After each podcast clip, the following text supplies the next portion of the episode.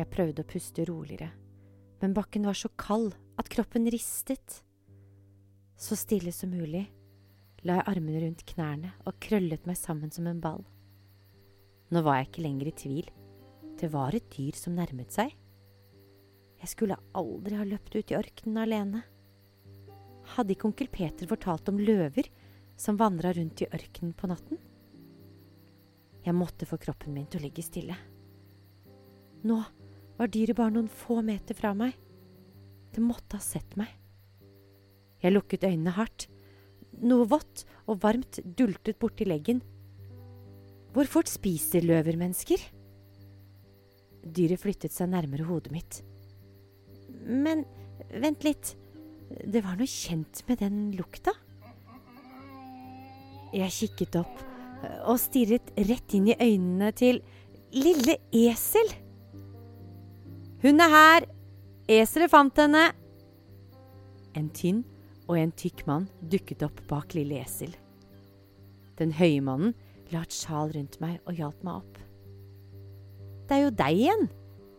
Så du er altså jenta som Peter har fått alle til å lete etter i hele natt. Sammen løftet de meg opp på lille esel. Vi hadde nesten gått helt tilbake til byen da vi så en mann som kom løpende.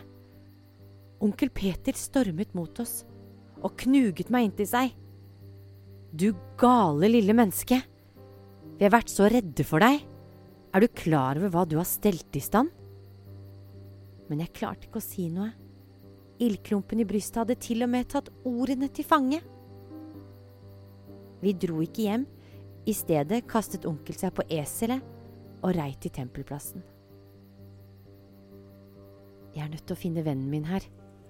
Mange av lederne er i ferd med å bli skikkelig sinna, fordi han sier han er sendt fra Gud, og er som Gud.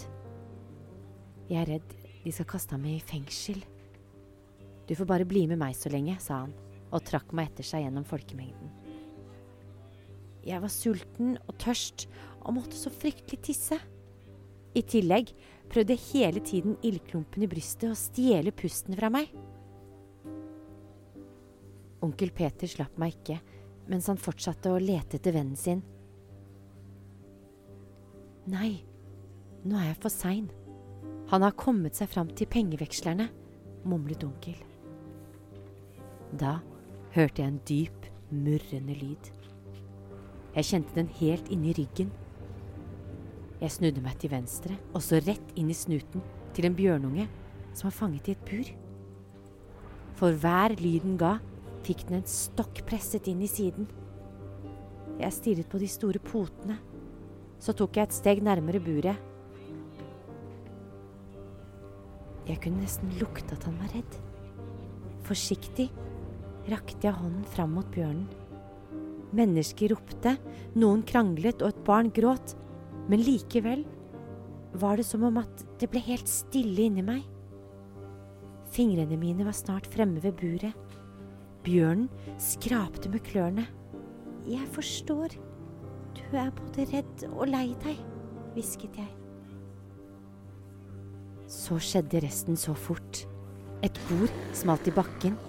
Bjørnen hoppet fram, og jeg, den raskeste jenta i Betlehem, klarte ikke å dra hånda fort nok til meg. Jeg stirret forskrekket på det lange rispet på armen.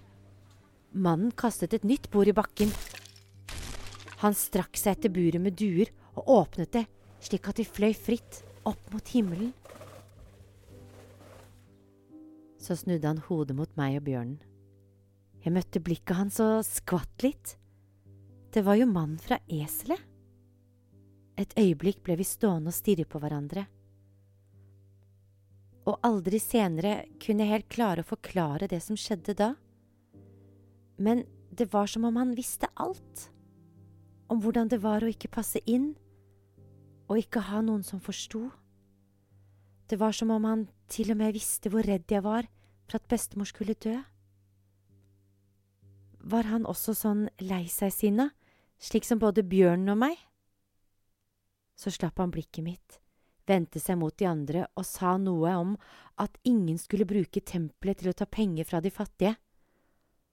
Og det var samtidig med at han kastet et pengeskinn i bakken, og at bjørnen brølte, at jeg endelig klarte å rope, jeg også. Jeg ropte så høyt at ildklumpen i brystet sprakk og ble til varme tårer som rant over. Og så falt jeg.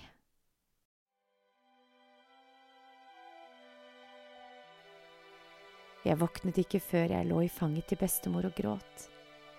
En varm og veldig rynkete hånd holdt min. Jeg vil ikke at du skal dø, bestemor, klarte jeg til slutt å få frem. Ikke dra fra meg.